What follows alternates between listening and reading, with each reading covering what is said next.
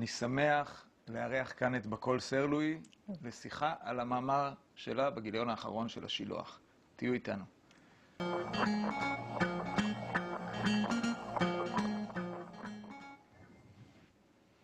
שוב ערב טוב. Uh, המאמר בגיליון האחרון של השילוח, זה הגיליון למי שלא זכה לראות אותו, עוסק uh, בספר השירה של דורי מנור, נפש אחת אחרי, אחריך. אח, אחריך. Uh, ואני רוצה לנצל את ההזדמנות הזאת כדי לדבר קצת על שירה בכלל. המאמר הוא מאוד מעניין, אני הייתי שותף בעריכה שלו, uh, ומורגש שהעניין נוגע בך מאוד. ואנחנו עוד מעט ניכנס ככה יותר לפרטים. אבל יש איזו הרגשה כללית, נראה לי שכל מי שעוקב אחרי חנויות הספרים או דברים כאלה, יש היום יותר כותבי שירה מקוראי שירה, בעברית לפחות, ככה זה נראה. גם כבר אה, לא מלחינים כאן שירי משוררים כמו שעשו פעם, אז הוא עוד ערוץ שאני חושב שקצת אה, נעלם. יש לנו את יוסי גיספן, אנחנו לא צריכים יותר משוררים. אז אני רוצה לשאול אותך שאלת אה, כפירה. האם שירה היא חשובה? האם היא משפיעה? מה היא עושה לתרבות שלנו? אז קודם כל, האם שירה היא חשובה? אה, תלוי למי. אה, לשרי החינוך האחרונים שלנו, שרק רוצים אנשים שיעשו אקזיטים, בוודאי שלא. ושרק הולכים לחינוך שהוא מאוד מאוד אה, טכנולוגי, שזה דבר שיכול מאוד להשפיע על המשק הישראלי, אז התשובה היא חד משמעית לא. בבית הספר שאני מלמדת בו, בירושלים, המנהלת ממש נלחמת על זה שיש שיעורי ספרות. Mm-hmm. כי המערכת לא רוצה את זה כבר, אבל אני חושבת שרק לפני 60 שנה באוניברסיטה העברית היה 150 סטודנטים לספרות בשנה. זה בעצם כמו כל מדעי הרוח, זה לא כן. מיוחד לספרות הירידה הזאת. זה לא מיוחד לספרות, כיוון שבעולם שהוא מאוד טכנולוגי והוא מאוד מיידי. אנשים רוצים לעשות אקזיט עד גיל 28, עד גיל 30, לעשות את המיליון הראשון. כן. ומשורר זה אדם שיכול לשבת יום שלם בחדר, לזוז קצת, לכתוב שורה, למחוק שתיים, להכין קפה, לחזור, לנמנם על הספה, והוא עובד. הוא לא כן. יעשה אקזיט עד גיל 30. בוא נאמר, אם הוא עושה אקזיט, אני לא הייתי רוצה לקרוא את מה שהוא כותב. כן. ואני אגיד גם שבעולם שלנו יש בכלל ירידה של ערכים הומניים ותפיסות הומניות. לטובת ערכים טכנולוגיים. אבל רגע, בואי נניח לקינה על, על, על מה שאין. מה, מה כן שירה עושה? עזבי את משרד החינוך, עזבי את, ה... את חלוקת המשאבים. אני חושבת ששירה מניחה שיש לאדם נשמה יתרה, והיא פועלת עליה. אני אדבר בשפה של דתיים, כי אני לא יודעת אם רואים עליי, אבל אני דתייה. השירה מניחה שיש צדדים בנפש האדם שהם הרבה הרבה יותר עמוקים ויקרים,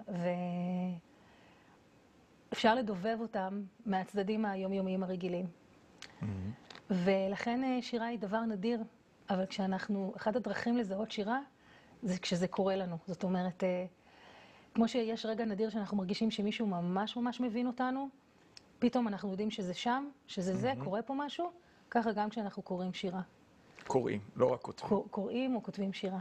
לא, כי בכתיבה יותר מובן שאדם מצליח לבטא משהו שהוא לא יכול לבטא בכתיבה אחרת, דרך שירה, דווקא דרך הצורה המאוד גבישית הזאת. אבל השאלה היא תמיד על הקוראים. האם באמת, עד כמה קורא יכול לקבל איזושהי הערה ואיזשהו שיעור לחיים משירה שהוא קורא? אני לא יודעת על שיעור לחיים, אבל אני יכולה להגיד, אני הרי תמיד באה בכובע כפול, גם כקוראת שירה וגם ככותבת, ועכשיו אני אדבר רק כקוראת. Mm-hmm. אני יכולה להגיד שאני זקוקה נואשות לשירה, שזה ממש צורך אצלי, כמו שיש לי צרכים פיזיים, אני צריכה לקרוא שירה. שלרוב כשאני קוראת שירה אני מתוסכלת. כי את לא מוצאת את השירה שאת רוצה לקרוא. כי אני לא מוצאת את מה שאני מחפשת. ואני יודעת במפורש שיש שירים שהצילו לי את החיים ושינו אותם. Mm-hmm. לא במובן הזה שעברתי עכשיו לגור באמריקה, אלא במובן הזה שמשהו בנפש שלי התיישב. שהרגשתי שמצאתי איזה הד, איזה ביטוי אמיתי שהוא גאל מתוכי, איזה קול שהיה בחושך, mm-hmm. והשירה נתנה בו אור. וכשאת אומרת שדורי מנור כתבת בתחילת המאמר שהוא מהמשוררים שהשפיעו עלייך ביותר, Mm-hmm. מתכוונת שהשפיעו עלייך כמשוררת, או שהשפיעו עלייך כבקול, כ... כמו שאת אומרת עכשיו, כמשהו שמצאת איזה הד? אני הרגשתי שהשירה של דורי מנור משפיעה עליי, היא בוודאי שינתה את חיי, וגם כתבתי את זה במאמר, שהוא המשורר החי שלמדתי ממנו הכי הרבה. אה, היא השפיעה עליי במובן הזה שקודם כל ראיתי את היופי. אה, אחת הדרכים שלנו לפעמים לזהות אומנות זה כשאנחנו עומדים פשוט קוראים מול היופי. זה קרה לי מעט פעמים בחיי, וזה קרה לי מול השירה של דורי מנור. זה, זה דבר שמאוד קשה לדובב אותו, וקשה לנסח ולנתח ולתאר איך זה קורה ומה קורה שם, אבל כשזה קורה. וגם אה, כמשורר שראוי ללמוד, זאת אומרת, הייתי צעירה מאוד, בת 22, וחיפשתי ולמדתי. אה, ודורי מנור הוא משורר שאפשר ללמוד ממנו, כיוון ש... שבספר הזה יש אפילו קטע שהוא נראה כמו סדנת כתיבה. זה סדנת כתיבה. ממש אבל אז עוד בסוף. לא ידעתי שיש לו סדנת כן. כתיבה. אגב, הייתי אצלו בסדנת כתיבה. אה, אבל אז עוד לא ידעתי, אלא רק קראתי והרגשתי שהנה יש פה אדם שאני יכולה ללמוד מהכתיבה שלו. שהוא לא רק מוציא על הנייר את מה שיש לו באותו הרגע, אם זה יפה או לא יפה, אם זה טוב או לא טוב. גם להגיד, אוי, כואבת לי הבטן, זה אותנטי, זה אמיתי, אבל זאת לא אומנות. ופה הרגשתי שיש אומנות. ואחד הד... הסימנים של אומנות זה מצד אחד היא מאוד קלה, היא נראית, וואו, ממש קל לעשות את זה, ומצד שני היא מאתגרת את האדם לפרוט ולכתוב בעצמו. אני, אני לטובת אה, אותם צופים שאולי לא קראו את המאמר, אני רק אגיד בקווים כלליים, כי זה הקדמה לשאלות הבאות, שבעצם את אומרת שדורי, אה, שהשירה שלו, במיוחד אה, בספר הקודם שלו, אמצע הבשר, אה, למרות ההתפעלות שלך ממנה ברמה האסתטית וברמה ה... של השירה כשירה, אה, הרחיקה אותך בגלל איזושהי בוטות, גם פוליטית וגם אירוטית, שמצאת שם מוגזמת מאוד. ועכשיו, בספר החדש, בנפש אחת אחריך, את מרגישה שהוא אה, התבגר, התפייס או משהו, ושזה גם עשה טוב לשירה.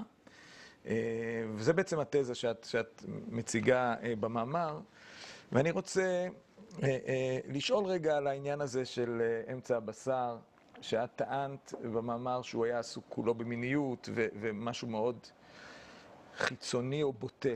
ואני תוהה אם זה לא שיפוט מחמיר מדי. הרי יש בספר הזה גם שירים שלא כרוכים בגוף, או שאם הם כרוכים בגוף הם לא כרוכים באיברי המין והם לא, והם לא בוטים. אה, יש שם שירים אה, מאוד רומנטיים, מאוד ליריים.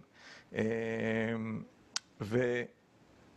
ואז אני, אני שואל האם אולי ההצגה הזאת היא תולדה של כמה שירים ולא של המכלול, ואולי, ואני מעז פה להיות קצת יותר חצוף ולהגיד אולי העיסוק הזה שלו דווקא בגוף הגברי, ההומואירוטיקה הזאת, היא זאת שהרחיקה אותך גם כאישה וגם כאישה דתית, ואולי גרמה לך לשפוט את זה קצת יותר בחומרה מאשר אם הוא היה כותב על אישה ולאישה או משהו כזה. זה... וואי, זו שאלה ממש חשובה, והאמת שגם קצת מלחיצה אותי, אני חייבת להגיד. לא חייבת לענות על הכל. אני אענה, אני אענה מהסוף להתחלה. כן. אה, כתבתי את זה בהתחלה של המאמר, שהוצאתי את ה... איזה לילה אחד, הוצאתי את השירים שלו מהבית, והוצאתי את השירים של יונה וולך. אני רוצה רגע לנקות את העניין ההומוסקסואלי פה, אוקיי. ולהגיד במפורש, שהנקודה העקרונית היחידה שיש לגבי מיניות, זה עניין של בוטות. ועניין של פורנוגרפיה, ופה אני דתייה חשוכה וכל הטייטלים שתשימו לי, אני מקבלת אותם בגאון. אבל אין לי בעיה עם אה, שירה אירוטית. שירה אירוטית בעיניי זה דבר נפלא. למשל, יש אה, בספר שדורי מנור ערך, אה, שזה אנתולוגיה של, של שירה להט"בית, יש שם בעיניי שירים פשוט נפלאים. ממש ממש. שהוא תרגם או ערך? ערך? ערך, ממשוררים עבריים, פשוט יש שם שירים ממש ממש יפהפיים. העניין האירוטי לא מפחיד אותי, העניין האירוטי משמח אותי והוא חשוב מאין כמותו.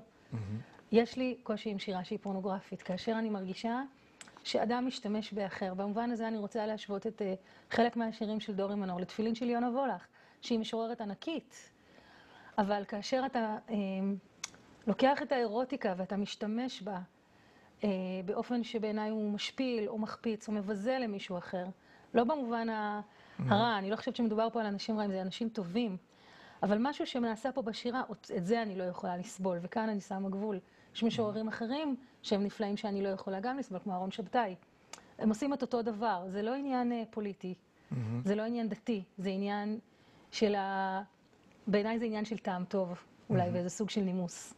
זה מעניין כי מנור כותב בהרבה מקומות, בוודאי בספר הזה, כמה חשוב לדעת מה לא לכתוב וכמה האומנות הזאת של השירה היא מדויקת, והיא לא, אל תכתוב הרבה ואל תכתוב בשליפה וכולי וכולי. ואת אומרת שאולי הוא פספס בעצמו פה באיזשהו שלב. לא, אני לא חושבת שהוא מפספס, אני חושבת שזה, שזה איזו תפיסה מאוד עמוקה אצלו, שאני מכבדת אותה. זאת אומרת, אני מתנגדת למה שקורה בפועל, אבל אני מכבדת את ההכרה שלו של הנושאים שחשוב לכתוב עליהם, ולכן גם הוא כל כך מטלטל אה, בחברה הישראלית הקרטנית שאנחנו חיים בה, שיש בה המון המון שמרנות לכתוב, ולכתוב את הדבר במפורש, ולהציף את זה, זה נורא נורא חשוב.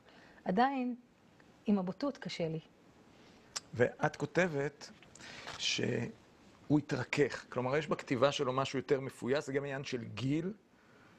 כלומר, ה- ה- ההתעסקות ביופיו של, הגוף ה- ה- אה, היא כבר לא יכולה לעבוד למי שבעצמו כבר מרגיש, למרות שהוא יחסית משורר צעיר, אבל, אה, אבל הוא כבר לא צעיר כמו שהוא היה קודם.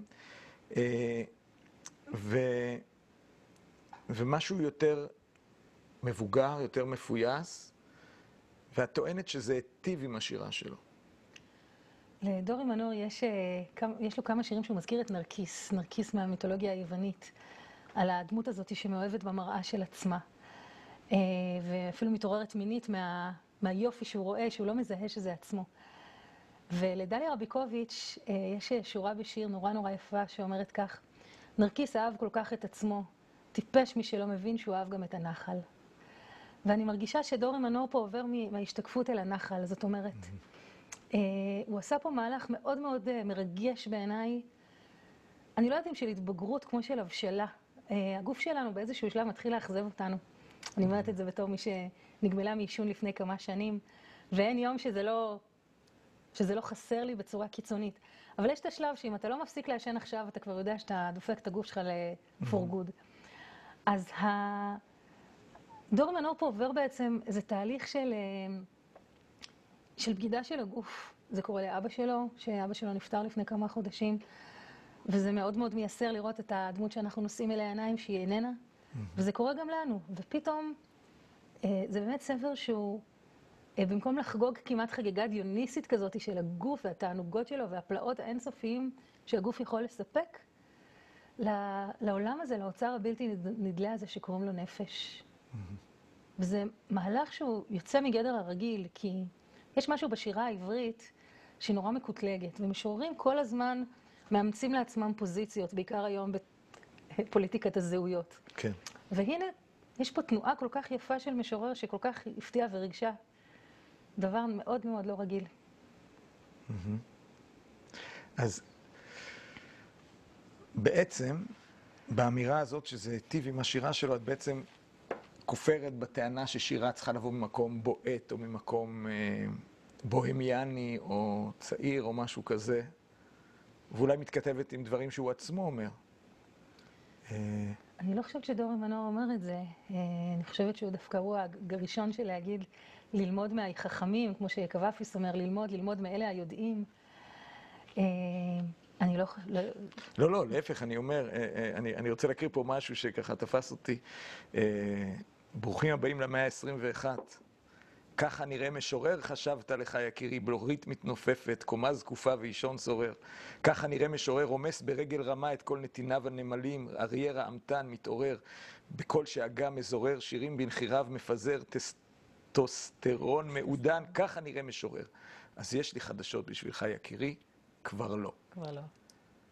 שזה נהדר, אבל זה בעצם יוצא נגד איזשהו אה, אה, אידיאל רומנטי שעדיין איכשהו שורד, נראה לי, כבר דורות כאילו, של המשורר הצעיר, המיוסר, שלא נושא באחריות לעולם המעשי, שהוא לא בעל משפחה, שהוא לא, כי הוא יכול כאילו לחיות בעולמות הנפש שלו, ואם... אה, אה, אם יש לו מזל, הוא אפילו מת איזה מות לורד ביירון כזה באיזה מקום, ונשאר צעיר לנצח. נקבר כן. לא ליד גופו אפילו. כן, כן.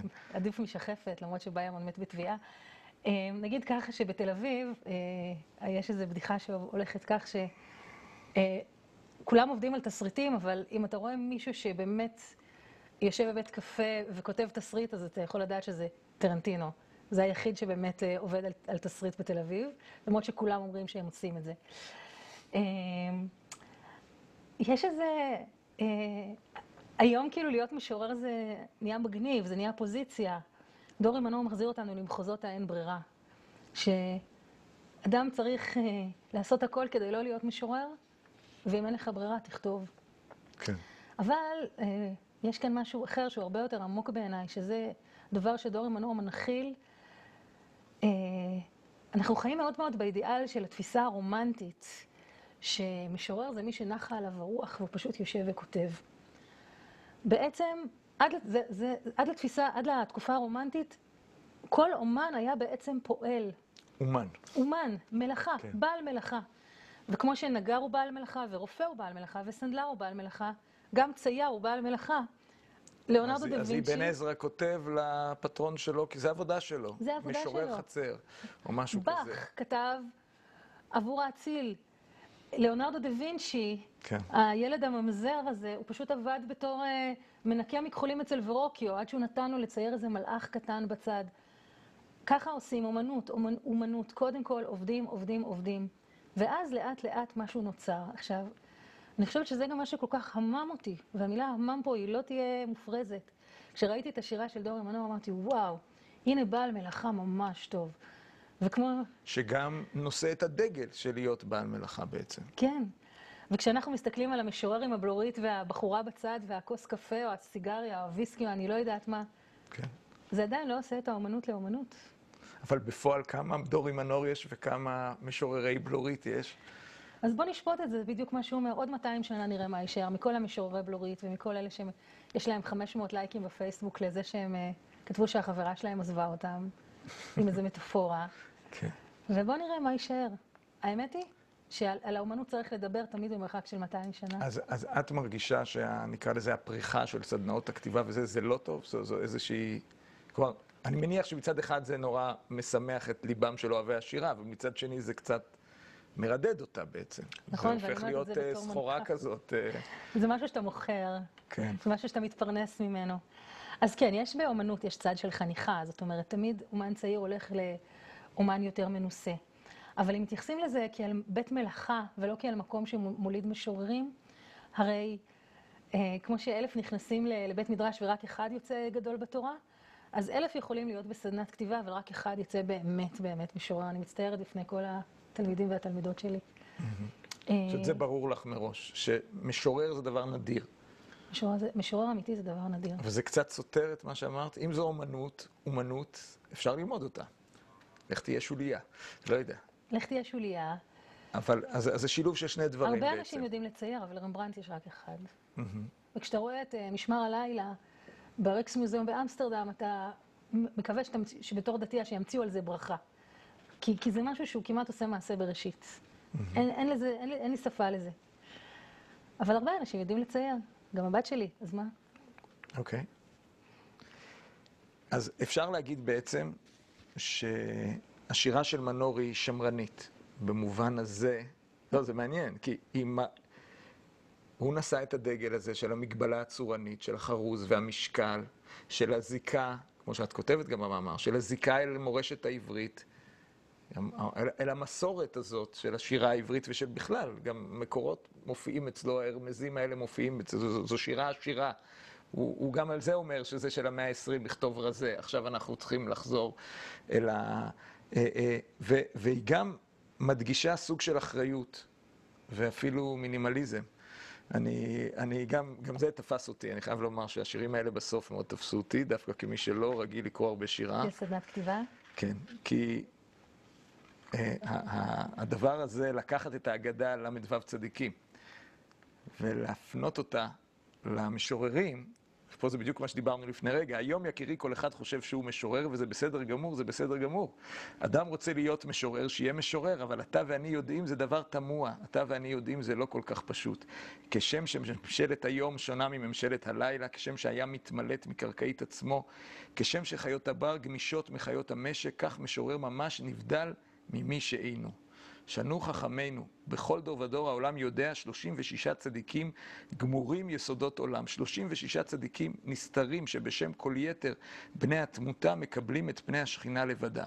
אתה, רוצ... אתה יקירי רוצה להיות משורר? בסדר, תהיה משורר אבל זכור. בכל העולם כולו, בכל רגע נתון, בכל דור ודור בעצם, אין אלף משוררים. יש ל"ו ותו לא. איך יכול משורר לדעת שהוא מהל"ו? איך יכול משורר לדעת, סליחה, שהוא לא? הישר מבטך לשכינה ואל תרתע מהיופי. הישר מבטך וכתוב, זה כל הסוד כולו. אז קודם כל, המשקל וה, ו, ו, ו, וכמובן ההרמזים פה, זה, זה שיר מאוד מסורתי, זה כמעט... אה, זה, זה שירה מודרנית מצד אחד ופיוט מצד שני, כי הכתיבה וה... וה... לא, זה לא פיוט. אה, לא, אני אומר, הכתיבה היא מאוד מודרנית במובן הזה, שהיא מדברת ישר ולעניין ובגובה העיניים אל, אל, אל הנמען, והיא אישית וכולי וכולי. אבל זאת כתיבה שמרנית, אפשר לקרוא לה. אני חושבת שהיום השמרנות היא רדיקלית. אמנם אני, אני קצת נוטה להתרחק ממה שהשילוח פה בהקשר הזה מנסה... לא, לא, אני לא אתכוון לשמרנות דווקא במישור הפוליטי בכלל. אני אומר, זאת שמרנות, זאת תפיסה שמרנית של איך שירה צריכה להיות. נכון, כי בעצם מאז המפץ הגדול של נתן זך, שהוא משורר ענק ואף אחד לא חולק עליו, אה, שלפני 60-50 אה, אה, שנה, כשהוא כתב על אלתרמן את מה שכתב, יותר מ-50 שנה, וואו, איך שהזמן עובר. אז נוצר נוסח אחיד בשירה העברית, ובמובן הזה מנור הוא בעל נוסח. הוא, הוא מחזיר אותנו למשהו שבעצם כמעט אף פעם לא היה. זו מהפכת נגד. זו מהפכת נגד מאוד מאוד עמוקה, ולכן... אבל הוא לבד וית... שם? הוא היה הראשון. והיום... הוא טלטל את אמות הסיפים. כשמיעוט יצא ב-2000, mm-hmm. עולם השירה נעמד על רגליו האחוריות, גם עולם הביקורת. כי מצד אחד זה היה נורא יפה, מצד שני, איך הוא מעז, איך אדם מעז לכתוב בסגנון שכמעט אף פעם לא כתבו בו בעברית. מי כתב סונטות בעברית? היה כמובן את לאה גולדברג, כל משוררים, צ'רנחובסקי, אבל הם כבר היו מודרניסטים לגמרי. כן. אה, משוררי ההשכלה, אבל היום מי יכול לקרוא את רחל מורפורגו או את ילאג ולקרוא את זה וממש ליהנות? בשביל זה אתה צריך להיות אה, תלמיד חכם ממש. אף אחד היום הוא לא תלמיד חכם בעולם של השירה. משוררים הם בעיקר אה, מכירים את מה שהם מכירים ממה שעכשיו. וכשיש משורר שהוא נותן איזו פריסה, איזו יריעה שהיא מאוד מאוד לא מכאן, מאוד מאוד... אה, לא מחויבת למה שקורה mm-hmm. עכשיו, משתמשת בסיפור שלו, על החיים שלו, על פריז, על ההומואיות, על המון המון דברים, זה החיים שלו. אבל הוא כותב את זה בכלים קלאסיים, זה פיצוץ. אז אני שואל, זה מישהו ממשיך אותו? זאת אומרת, זה, זה זרם או שזה דורי מנור? אז זאת שאלה. אז קודם כל, דורי מנור הוא גם יצר כתב עת מאוד מאוד חשוב בשם הו, הו כן. שזה כתב עת שבעצם נותן את, ה, את ההקשר האומנותי המאוד מאוד עמוק אה, של... אה, אומנות לשם אומנות, המוזיקה מעל הכל, אנחנו יוצרים פה יופי, אנחנו מחויבים שהיופי הוא נשמת אפה של השפה, זה לא יכול להיות רק מרגש, זה צריך גם להיות מאוד מאוד אסתטי. אחת הבעיות זה שתמיד כאשר יש אחד, אז יש המון המון רבים כאלה שהולכים אחריו. ראיתי תלמידים של דורי מנור, יש דברים יפים שיצאו, יש דברים פחות יפים שיצאו, אבל שוב, מוקדם מדי לשפוט. את עצמך כותבת בחריזה ומשקל, כמו ש... לא כמו, אבל אני בהחלט למדתי המון מדור מנור. כן, אני יכולה להגיד שכשקראתי את לאה גולדברג שכתבה סונטות... זאת היום זה אופציה, גם, ב, גם כן, בסדנאות בוודאי. שירה וזה? השיר האחרון שכתבתי היה סונטה. אמ, לפעמים אני רוצה רק לכתוב סונטות, לפעמים לא, אבל... אה, זאת אומרת, להגביל את עצמך מראש לתבנית מאוד מאוד קשיחה, כי זה מוציא משהו טוב, הגבולות האלה. אני חושבת, אני בכלל, יש לי אהבה גדולה לגבולות, כי אני חושבת ש... ככל שהגבול באומנות הוא יותר מהודק, הוא מייצר משהו יותר יצירתי ויותר עמוק, וגם יותר לדעתי מלא תשוקה. במובן הזה... אה, כלומר, החופש, האשליה הזאת שחופש מוחלט הוא הכי טוב, הוא אשליה בעצם. באיזשהו מקום, היא מכבה גם. לא רק לאשליה, היא. היא סכנה, היא סכנה באומנות. אה, אם אנחנו, אנחנו יודעים שהדברים הכי יצירתיים נותנים, נוצרים ממגבלות מאוד מאוד גדולות. קח לדוגמה את הבלט, לא אמנות של מילים. זה כל כך מדויק, ויש רק כמה תנועות שהן אפשריות לעומת מרחול מודרני, וכמה שזה יפה וכמה שזה מביע. הדברים הכי הכי מהודקים והכי מצומצמים מולידים את הדברים. אני חושבת שזו שאלה רחבה, כי היא גם תלויה ב...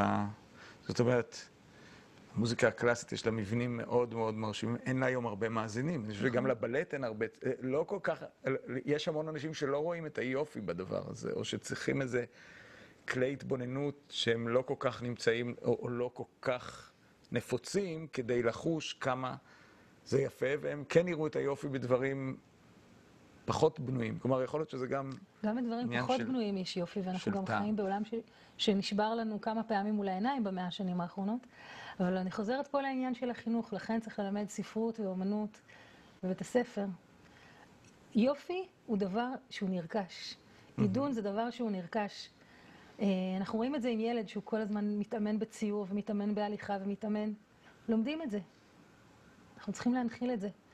אם אנחנו נישאר רק במשהו נורא נורא בסיסי, אנחנו ניצור פה דור של אנשים חרשים ועיוורים ליופי ועילגים בדיבור שלהם ובהבעה הרגשית שלהם. את חושבת שזה הפיך? אם לא הייתי אפשרי? חושבת שזה הפיך, לא הייתי עוסקת בחינוך. אוקיי. אז uh, אני רוצה רגע לעבור ככה, לעשות איזה, איזה, איזה, איזה תנועה ל, ל, לפוליטי קצת. כי... Uh, כמו שמקובל בהרבה מקומות בתל אביב, uh, אבל, אבל קצת יותר, העמדה של מנור היא מאוד מאוד ביקורתית כלפי הציונות. Mm-hmm. ואני חייב לומר שאחד הדברים ש... אכזבו אותי, בוא נאמר ככה, כי זה לא קשור למחלוקת פוליטית, זה קשור ל... אפשר להגיד תודעה ו... אולי אפילו, לא יודע, משהו, מה... הוא כותב פה על, ה... על העצים. יש פה מחזור שלם שעוסק בעצים, עצי ארצנו, ובעצם הוא, הוא, הוא בא ל, ל, לבקר את העצים הציונים, את האקליפטוס ואת הברוש ואת האורן וכל מיני, לעומת הצמחייה הבלדית, הצמחייה המקורית או משהו כזה, ובעצם מציג את זה כאיזה מין פולש, כאיזה מיינה כזאת, ש, אה, אה, לעומת, אבל על הדרך הוא עושה מין אידיאליזציה שהיא מאוד מאוד הייתה מוזרה בעיניי, או, או מעידה על איזשהו...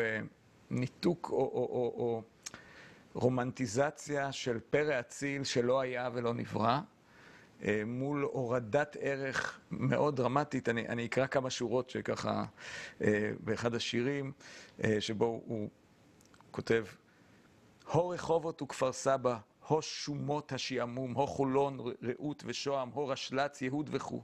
שירו בחמדה ותואם, שירו וברכו, אקליפטוס, אקליפטוס, איך גמת כל שריד, לקקון, אג'ור וליפתא, לג'רישה ובתליד, איך הקדמת ושתית בחשאי ובחטף, את עין כרם וכדית, את יזור ואת צטף. זאת אומרת, יש את.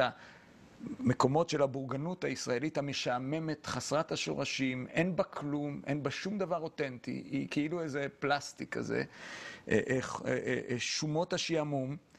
והיה פעם, קאקון, אג'ור וליפתא, היה איזה עולם מדהים שנהנה מהמלאריה כנראה, כי אחר כך הוא מדבר על איך האקליפטוס מנסה לגרש, על ידי שהוא מגרש את המלאריה, מתוך איזשהו, איזשהו נרטיב, זה לא ויכוח עם הנרטיב הציוני, אלא זה איזושהי אמונה עמוקה בנרטיב אחר, שהוא מופרך לחלוטין.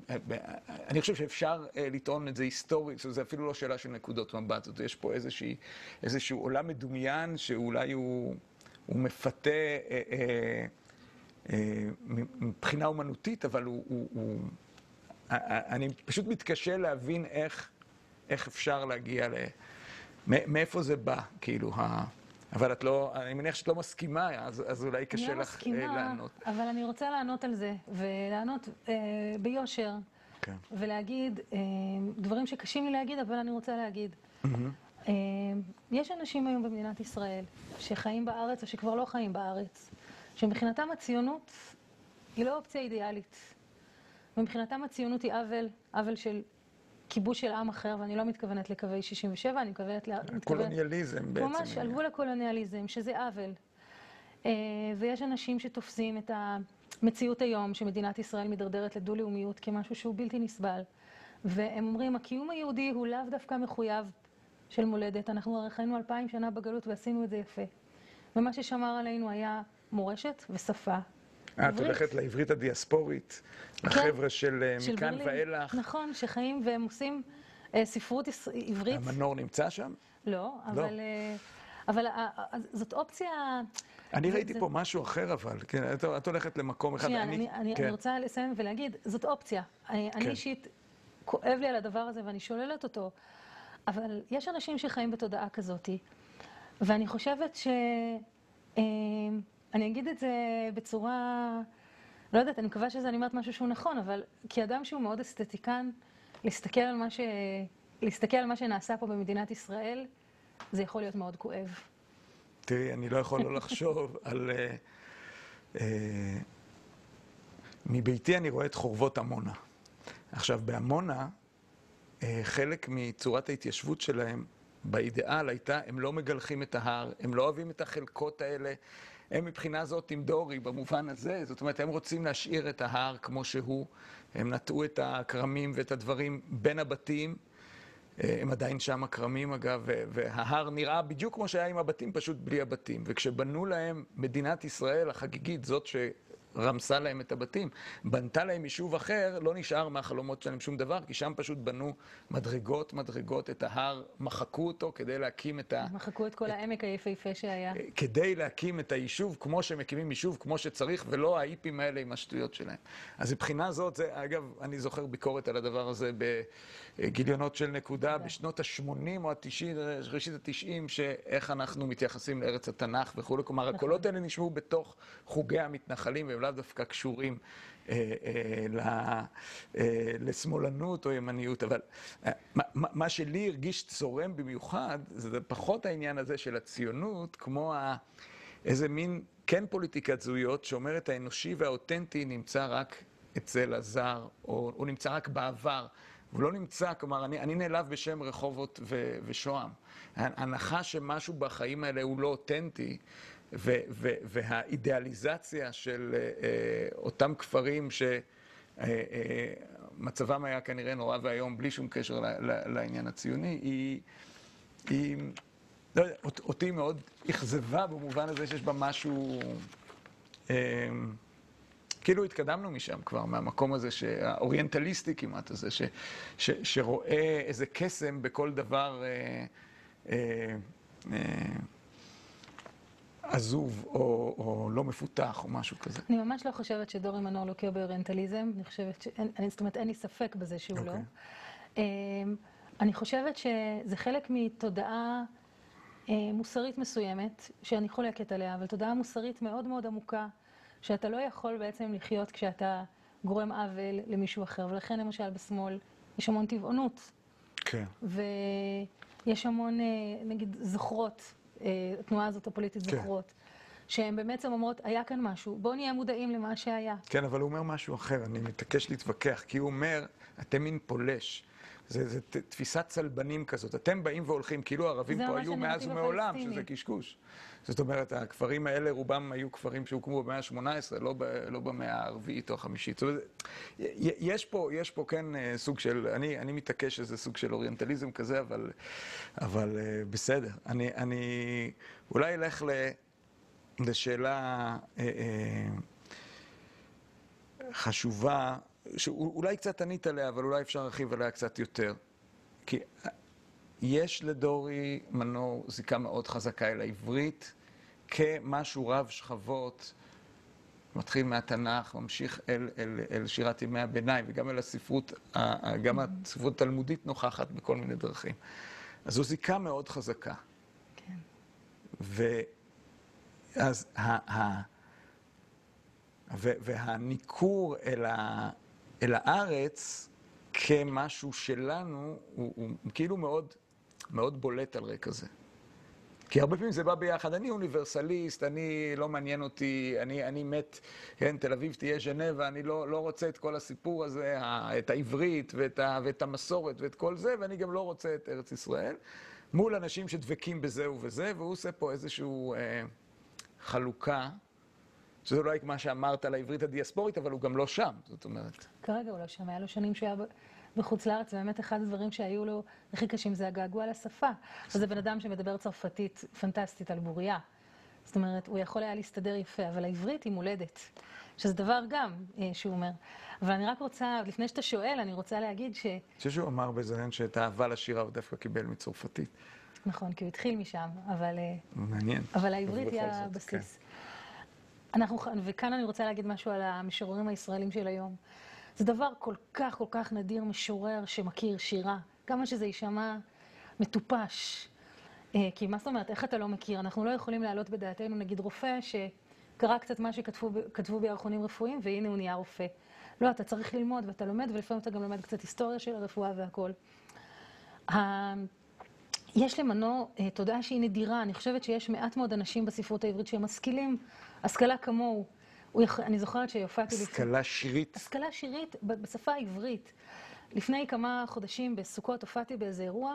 זאת אומרת, הוא קרא את המחזות של רמח"ל, והוא קרא את... אה, כן. הופעתי באירוע אה, ספרותי, ואמרתי שלזאת שהנחתה, אני, אני הולכת לקרוא שירים של... אה, כש... כתבתי לה את זה, אפילו לא אמרתי לה, של רבי אלעזר הקליר. עכשיו, היא לא ידעה מי זה, והיא קראה, אמרה, בכל תקרא משירתו של אלעזר הקלר. כן. צמרמורת. כן. אני קראתי הושענות. כן. ההושענות שאנחנו אומרים בסוכות. אנחנו הדתיים. היא לא ידעה מה זה, היא לא שמעה על זה בחיים שלה. היא מגדירה את עצמה כמשוררת, זאת משוררת שלומדת בבית ספר, שמלמדים שם שירה. כל שנה כשאני נפגש בזה, אני אומר, איזה שירה. איזה שירה. ואין נפלא מזה. כן. מנור מתייחס לינאי. עכשיו, זה לא הדתה, זה לא שום דבר, זה תרבות. זאת מורשת. וכאן אני חושבת שמנור עולה על נקודה מאוד חשובה. הוא אומר, ציונות זה חשוב. בונים, לבנות את הארץ זה יופי. אבל האם אנחנו זונחים את מה, ש... את האבני בניין שלנו, שזה בתרבות ובשפה, אנחנו בסוף נישאר בלי כלום ובלי שום דבר, משני הצדדים. בתים אנחנו יודעים שאפשר להרוס. רוח נהרסת כל הזמן, אנחנו חיים, יש לנו בסמארטפון נטפליקס, אנחנו יכולים בכל רגע לראות כל מה שבא לנו. בינינו זה לא הליטה של הקולנוע וה, והטלוויזיה. מה שיש לנו שם. אם אנחנו נאבד את זה, אנחנו נאבד גם את זה. ובעניין הזה, את, אה, את חושבת שכן יש עוד? זאת אומרת, יש איזושהי... אנחנו ראינו את הטרנד הזה של ה... במוזיקה, של הפיוט, של החזרה אל משהו מעניין בשנים האחרונות. Mm-hmm. גם גופים דחפו את זה, אבל גם זה בא מלמטה בכל מיני צורות. אבל את, את ממשיכה, אבל את אומרת שבשירה אנחנו עדיין במצב שרוב המשוררים אין להם זיקה, ואנחנו לא על סף איזה רנסאנס של, אה, של שירה שהיא יהודית יותר, עברית יותר, או משהו כזה. אני אגיד לך, במאה ה-12, בימי הביניים, היה הרנסאנס הקטן. אנחנו ברנסאנס קטן, אנחנו עוד לא ברנסאנס של המאה ה-15. חד משמעית לא, כי אני חושבת שאדם צריך להיות מחויב בכל נשמת אפו ומשכיל גדול. וללמוד, ללמוד, ללמוד, להיות תלמיד חכם, להיות בחור ישיבה, ללמוד את הספרות והשירה העברית. אני, בעולם שאני חיה בו, אני מכירה שניים שעשו את זה. דרור בורשטיין ודורי מנור. אני לא מכירה עוד אחרים שאני יכולה להגיד. הם שוחים בכל המשנה, בגמרא, בשירת, בשירת ימי הביניים, במדרשים. מי מכיר את זה היום? הדתיים מאכזבים אותי כי הם אה, עושים לעצמם הנחות. החילונים מצערים אותי כי הם... מה זה עושים עצמם הנחות? הנה, הזדמנות, תתחשבני, מה את רוצה להגיד? מה הכוונה עושים עצמם הנחות? עושים לעצמם הנחות, זאת אומרת, שוב, הנקודת התייחסות שלהם, הקנה מידה שלהם באומנות, הוא מאוד מאוד צר. צר למרות העושר הזה, לכאורה, של ההושענות כן. שהם אומרים, ושל ה... באיזה מובן הוא צר? הוא צר במובן הלגיטימציה לחבר את זה לחוויה האישית, או משהו כזה? שהם לא מרגישים את עצמם כחלק משושלת עמוקה. אה, ומחויבת מאוד של ספרות עברית לדורותיה.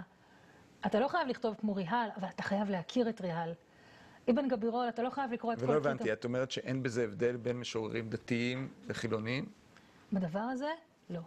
ההתייחסות היא מאוד מאוד קונקרטית. למה שיש כאן, זה מה שיש עכשיו. Mm-hmm. כאילו הספרות התחילה בערך קצת 20 שנה לפני שאני נולדתי. אני לא אומרת את זה על עצמי, אלא כל משורר.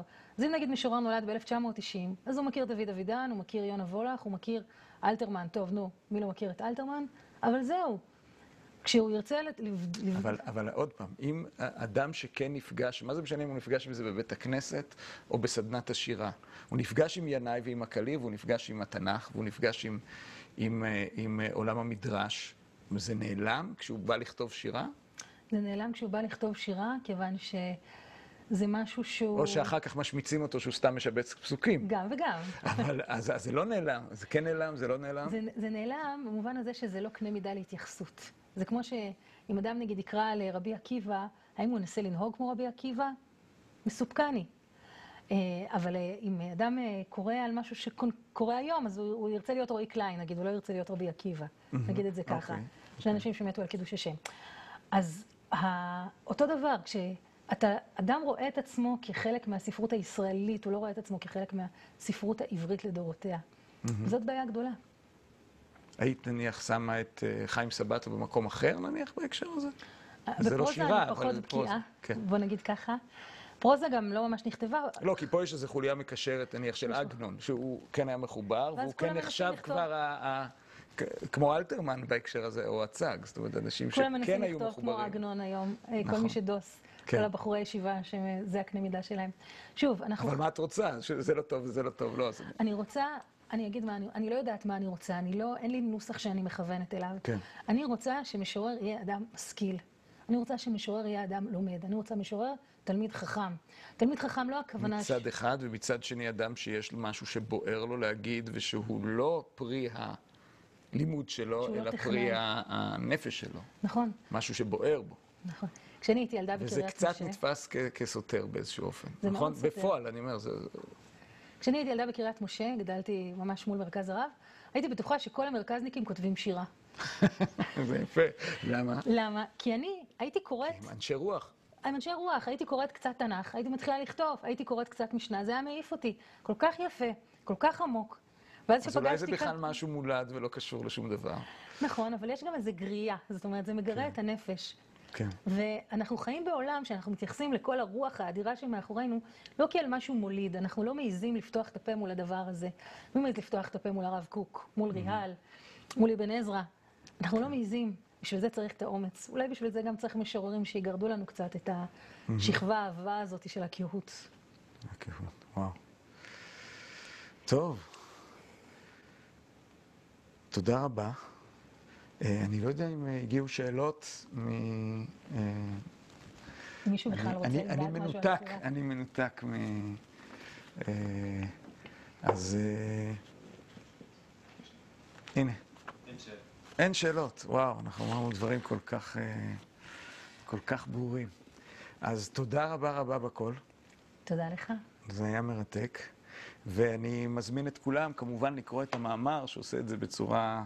נכנס יותר לעומק בחלק מהדברים שדיברנו, וגם דברים שלא דיברנו עליהם, ועוד כמה מאמרים טובים בגיליון אה, הזה של אני רוצה השילוח. רק להגיד תודה ל- להשילוח על הפרסום של המאמר. אני יכולה להגיד שאני יודעת על עוד מקומות שלא יכלו לפרסם מאמר כזה, אה, ולבחון את הטיעונים שאני מציגה בו, ואני ממש מודה על זה. בשמחה. תודה רבה.